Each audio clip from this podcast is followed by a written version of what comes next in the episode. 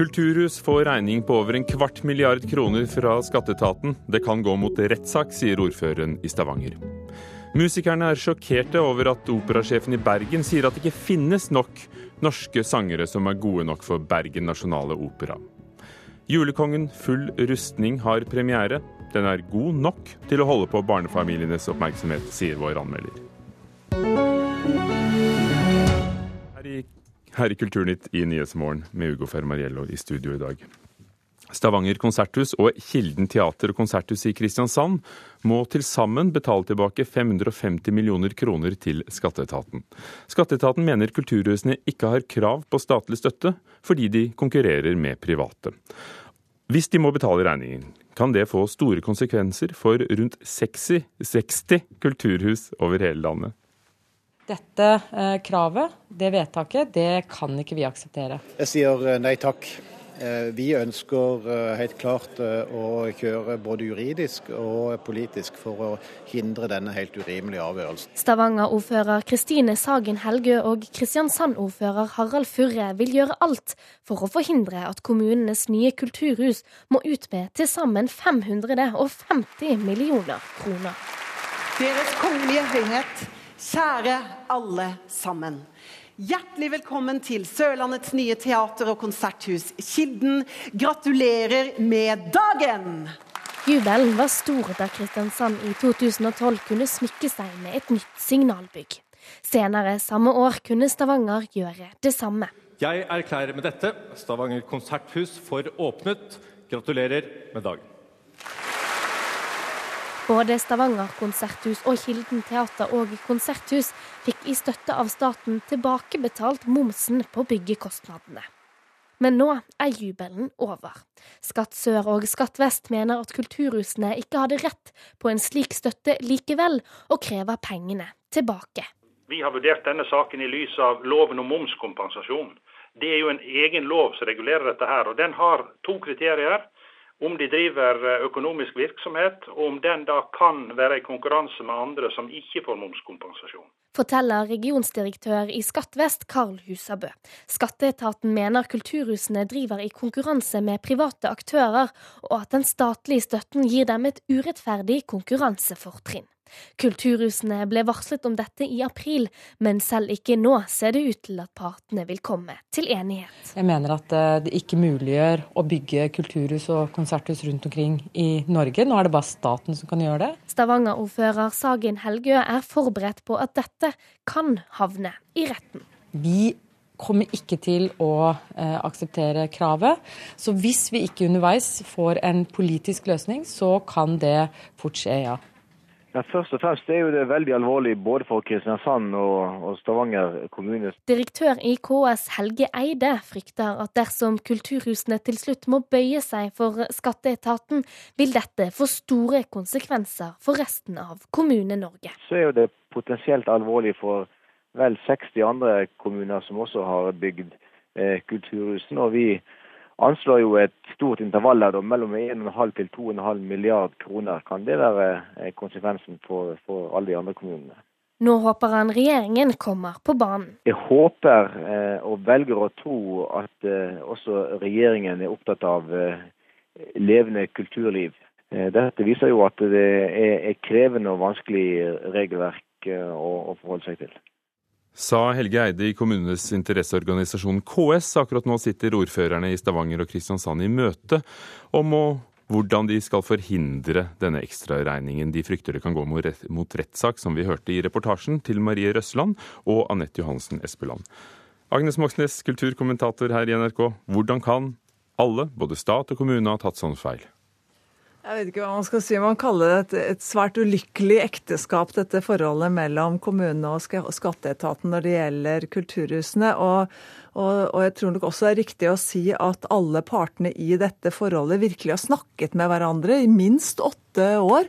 Ført ivrige og, og langvarige dialoger. For det er jo virkelig sånn skrekkvisjon til enhver rådmann at noe sånt som dette her skal kunne skje. Sånn at jeg vil si at alle, Stortinget inkludert, tror at de har visst hva de har holdt på med når det gjelder disse gode reglene for kulturhusdrift. Men det har de altså ikke, iallfall ikke hvis man skal eh, tro, eller hvis man skal la skattejuristene få siste ord i dette, i, denne, i dette laget her. Så hva kan konsekvensene bli? Ja, det er jo som vi hørte her, at det kan ha en voldsom dominoeffekt. Og det er jo naturlig å anta at skatteetaten tenker likt om alle nyere kulturhus. Eh, og det er selvfølgelig veldig få kommuner i dette landet som er forberedt på å ta sånne gigantiske ekstrautgifter som dette her. Ordførerne truer med rettssak, som vi hørte. Hvor kan løsningen være å finne? Ja, Rettssak er jo én vei å gå. De eneste som tjener på det, så vidt jeg kan skjønne, er eh, advokatstanden. Eh, dette handler jo først og fremst om vårt forhold til det, som heter Det europeiske frihandelsforbundet, altså EFTA. Det er skattejuristenes jobb å tolke de avtalene vi gjør med dem. Eh, og de mener altså at måten vi driver kulturhusvirksomhet på i Norge, først og fremst tjener det offentlige, og at de private lider i dette konkurranseforholdet. Så selv om storting og regjering, da, for å gå den politiske veien, selv om storting og regjering ikke kan gå inn i denne konkrete saken, så vidt jeg forstår, så må altså politikerne definitivt komme på banen eh, og finne en ordning som gjør det mulig både for de private og, og de offentlige kulturhusene å drive fremover. Takk, Agnes Moxnes. Bjørgulf Vinje Borgundvåg, statssekretær fra Høyre i nettopp Kulturdepartementet. Vil det kunne finnes en politisk løsning? Det er det for tidlig å konkludere med nå. Altså For å bare presisere det, så er det altså sånn at det er en god del år siden at ESA sa at vi må justere hvordan regelverket skal tolkes. Det var en, en eh, avgjørelse de hadde i 2007. Så kom det nye regler i 2008, men så var det altså sånn at så sent som i sommeren 2013 så leverte forrige regjering en tolkningsuttalelse, som det heter, av hvordan man skal forstå reglene. Og jeg ber om forståelse for at ikke, jeg ikke kan uttale meg om disse enkeltsakene, for de kan nå påklages. Men, men, men, i det store bildet, hvordan kan alle ha tatt sånn feil at det ble bygd så mange kulturhus på dette premisset om at de skulle få igjen pengene de betalte for moms? Nei, altså Som, som kommentatoren her sa, så er dette et veldig komplisert regelverk. sånn at det, det disse sakene illustrerer, det er at det er behov for å gjennomgå dette regelverket en gang til for å se om vi faktisk har et større handlingsrom innenfor EØS-retten enn det det er lagt til grunn. Og det, eh, det arbeidet er vi i gang med. For et, eh, en ny lov vil jo ikke kunne få tilbakevirkende kraft, så, så vil man Hvem er det opp til om denne regningen skal betales eller ikke? Altså, Nå må vi vente på den gjennomgangen av regelverket som vi skal gjøre, og så må vi ta stilling til om det er et handlingsrom for å justere hvordan dette regelverket skal forstås. Takk skal du ha. Du blir her litt til, for vi skal snakke mer kulturpolitikk. Regjeringens prestisjeprosjekt for å få mer private penger til kultur er feilslått, det mener Arbeiderpartiet. Denne gaveforsterkningsordningen som er den vi snakker om, ble lansert for snart to år siden. Og den virker sånn. Hvis private gir penger til utvalgte museer, gir staten 25% i tillegg til det samme. Men en undersøkelse NRK la frem tidligere denne uken viste at ni av ti givere ikke lot seg påvirke av ordningen. Altså ble det jo ikke flere givere enn før.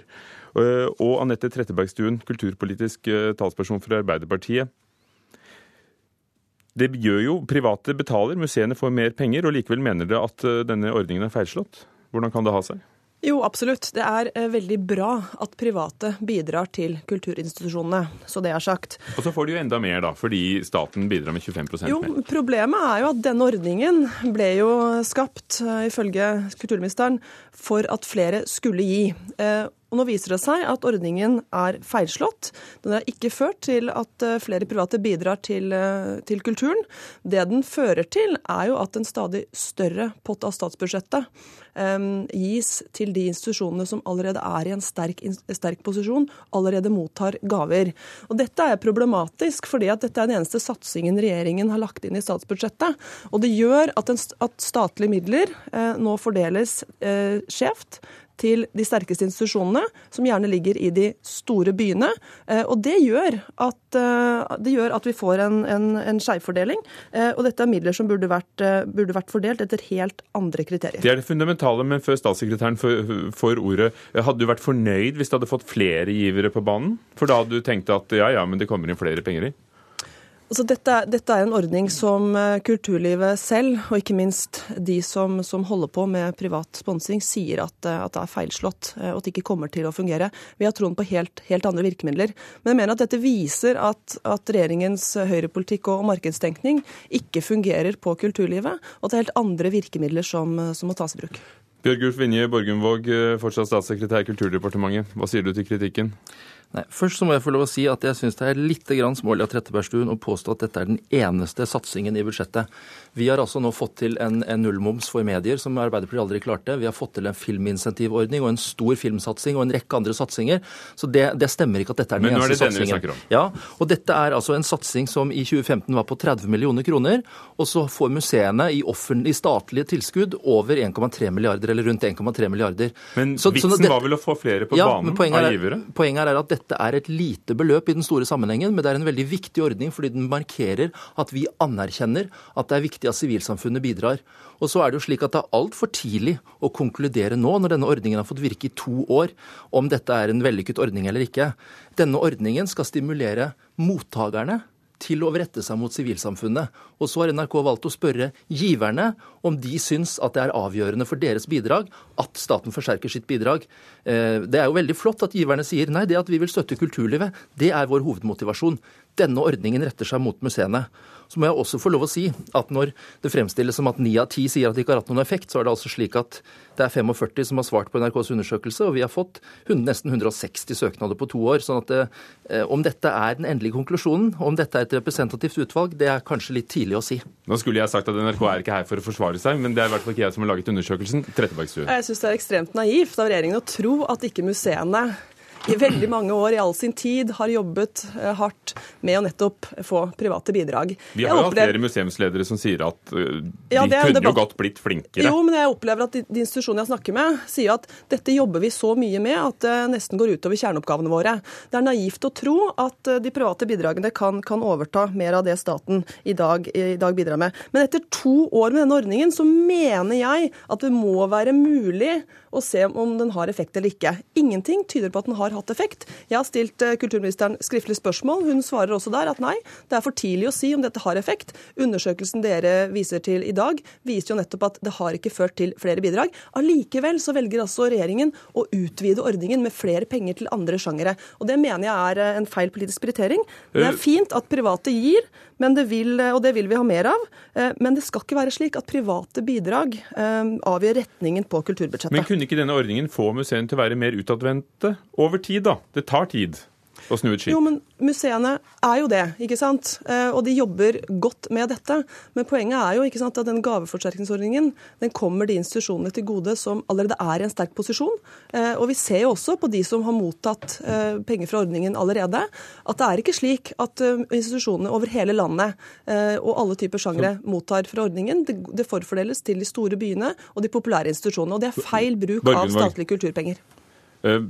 Vi burde jo da kanskje ha spurt de som ikke har gitt noe mer til museene, eller museene. Men, men når mener du at du vil se suksesskriteriet, da? Altså, Denne ordningen er en start på å gjenoppta anerkjennelsen av at sivilsamfunnet er viktig for å engasjere seg i kulturlivet. Altså Ordet mesen har en 2000-årig historie. Private var med på å bygge opp norske bibliotek, norske kunstforeninger. Selvfølgelig, men du, du, sa jo nettopp at ordningen var her for å stimulere institusjonene til å, til å nå Ja, og det, er, og det, er, helt riktig at mange av dem er flinke. Og det er jo nettopp det vi vil anerkjenne.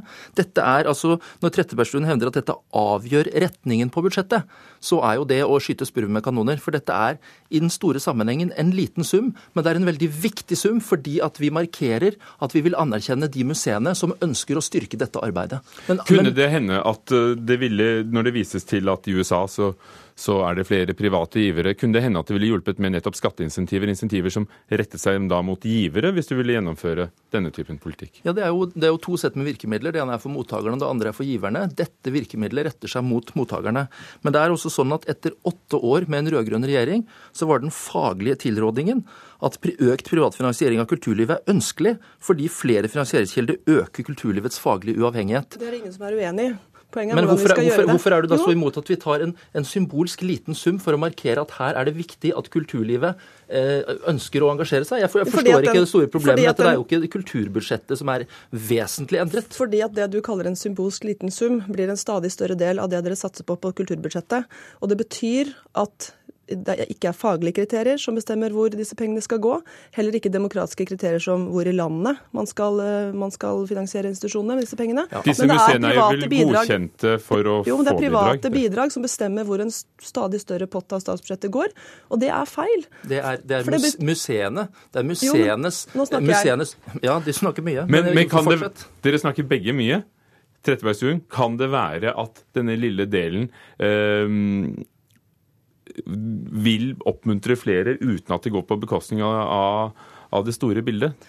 Vi har troen på, på helt andre virkemidler. Eh, Hvilke? Kul- Kulturløft, kulturløftet, der staten løftet opp kulturen opp i Eliteserien og bidra til å, å gi det den plassen det fortjente på statsbudsjettet, bidro også til at eh, private fikk eh, troen på og lysten på å finansiere eh, kulturlivet.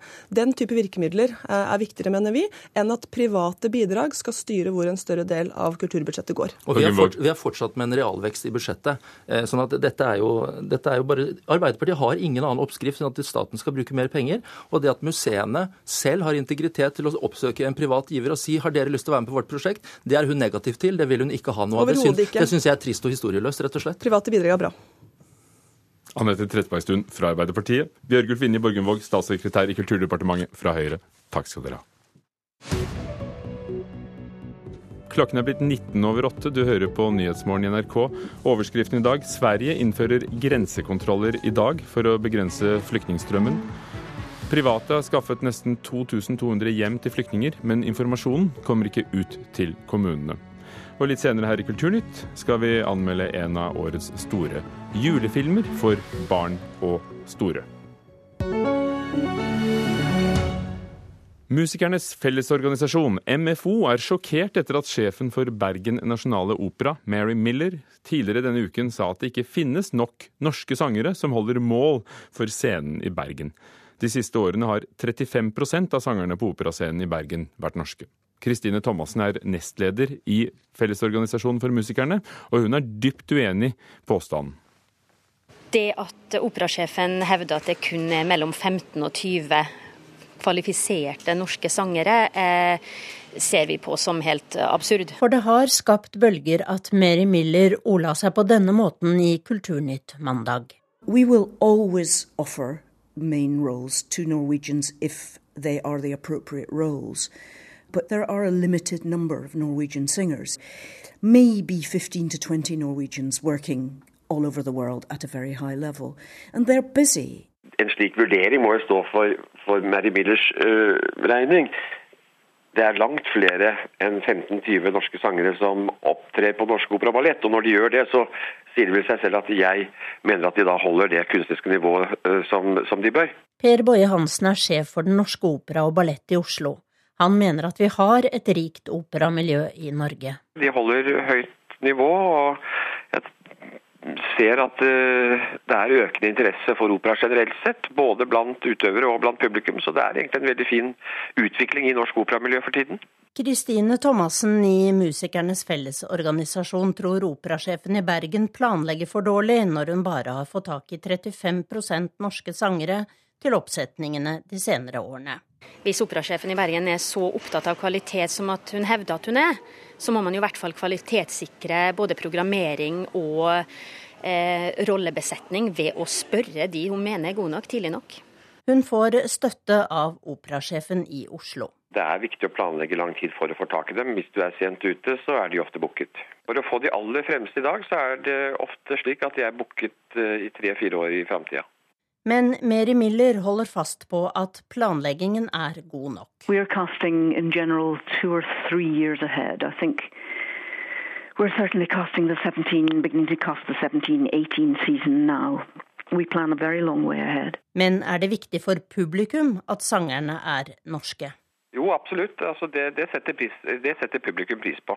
Det er det ingen tvil om. Det, sånn er det vel litt at man, man syns det er veldig hyggelig at norske sangere gjør det bra, og da liker man godt også å få, få høre dem. F.eks. hun fantastiske Lise Davidsen som debuterte på, på Operaen i, i, vinter.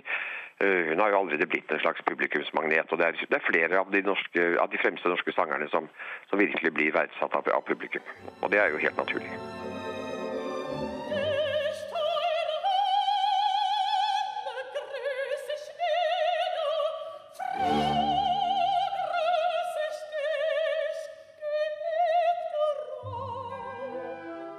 Mary Miller tror publikum er mest opptatt av kvalitet, og drar denne parallellen mellom operaen og fotballbanen. Norwegian football teams. You know, how many of them players are Norwegian? You know, is the manager of Brann in Bergen, if you take it at that, you know, is he going to put his best players on the pitch? Or is he going to say, no, no, no, we've got fantastic players from Africa. We're not going to play them because we ought to be playing Norwegians. Vi har eh, flotte spillere fra Afrika, men de skal ikke spille fordi vi har nordmenn. Hvor mange fotballspillere og fotballtrenere sier det på norske fotballag, spør eh, Mary Miller, som selv er skotsk og sjef på Bergen nasjonale opera. Og hun ble intervjuet av reporter Tone Staude.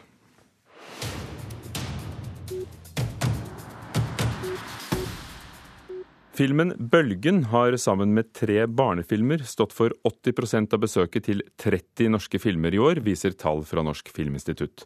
Verken Joachim Triers 'Louder Than Bombs' eller Anne Sewitzkis 'De nærmeste' fikk publikum til å strømme til kinoene, sier konsulent Sveinung Golimo i Filminstituttet til Dagsavisen. Han er bekymret og mener at den største utfordringen er å ta vare på de kunstneriske talentene i norsk film. Diamonds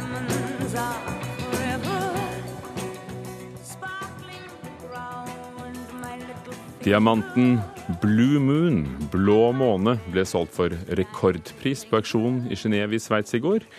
Og beviser den verdien Shirley Bassey synger om her, at den er så å si evig. En kinesisk samler betalte nemlig 417 millioner kroner for edelstenen, som han umiddelbart ga tilnavnet Josephine etter sin egen datter. Diamanten ble funnet i Sør-Afrika i fjor. Den veier over 12 karat og regnes som feilfri. Og dette er den samme mannen som tidligere i uken kjøpte en rosa diamant for nesten 250 millioner kroner, og som han også oppkalte etter sin datter hjemme i Hongkong. Nordnorsk kunstmuseum i Tromsø får ny direktør. Jeremy Michael McGowan kommer fra USA, er 37 år gammel og begynner i jobben i mars neste år. I dag er han førsteamanuensis ved Arkitektur- og designhøgskolen i Oslo, og han har også vært kurator ved Nasjonalmuseet. I morgen har den eh, norske filmen 'Julekongen' full rustning premiere. Dette er oppfølgeren til TV-serien 'Julekongen', som gikk på NRK for noen år siden. NRKs filmanmelder Birger Vestmo sier at dette eventyruniverset sliter litt med å strekke seg ut til det store lerretet.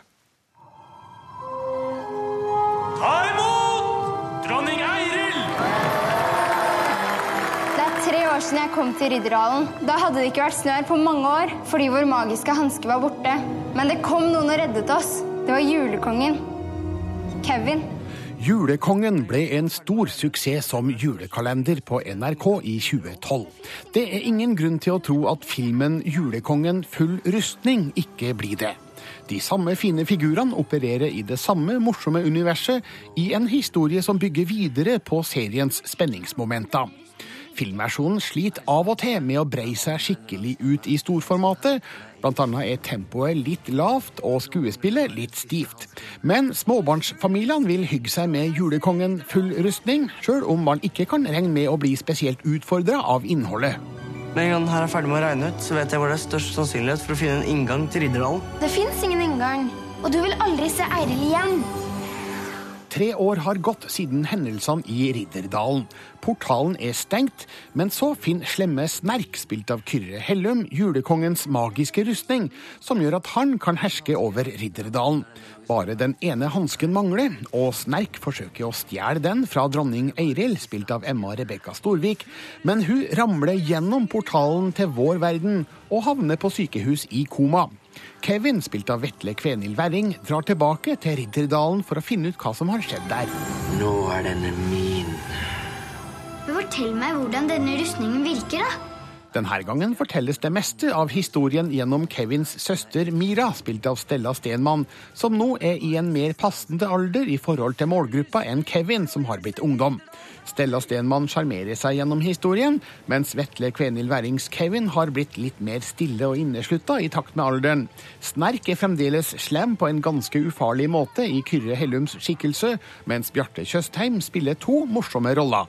En som den litt tafatte faren Anton, og en som den barske politimannen Roy, som Antons kone Sara, spilt av Tone Beate Mostrøm, kanskje er litt for glad i å jobbe med. Figurene holder fremdeles ganske godt, men noe av skuespillet mangler sprut og energi. Det er som om noe holder dem tilbake, og ikke vet jeg om det er bevisst eller ubevisst, men persongalleriet kun med fordel ha sprudla mer. Nå mangler jeg bare den siste hansken. Og med full rustning skal jeg stenge Ridderdal for alltid! Filmens skala er storslått med flott scenografi, fine kostymer og majestetiske Ridderdal-scener som er skutt ved Cost Castle i Tsjekkia. Men folkelivet er noe begrensa, effektene er milde, og mange av de samme oppsettene går igjen. Slik må det kanskje være når det skal lages litt for stor film for litt for lite penger. Likevel er ikke dette viktige poenger for de som filmen i første rekke er ment for. Regissør Tale Persen og staben har prestert en fin familiefilm som vil treffe et takknemlig publikum på kino. Julekongen, full rustning, er god nok til det. Vi må ta rustningen fra Snerk. Er du gæren? Det er altfor farlig! Altfor farlig! Ja, det er godt oppsummert, syns jeg. Julekongen full rustning, anmeldt av Birger Vestmo, så minner jeg om at alle ukens eh, premierefilmer på kino kan du lese om på nrk.no film på Filmpolitiets sider. Kvartfestivalen gjenoppstår i Kristiansand til sommeren, 25 år etter at den ble arrangert for første gang. Og det er selveste gründer Toffen Gunnufsen som selv skal være sjefen, og han sier at dette blir historiens siste kvartfestival, og den går av stabelen i slutten av juni, altså. Kulturnytt var ved produsent Thomas Alverstein Ove.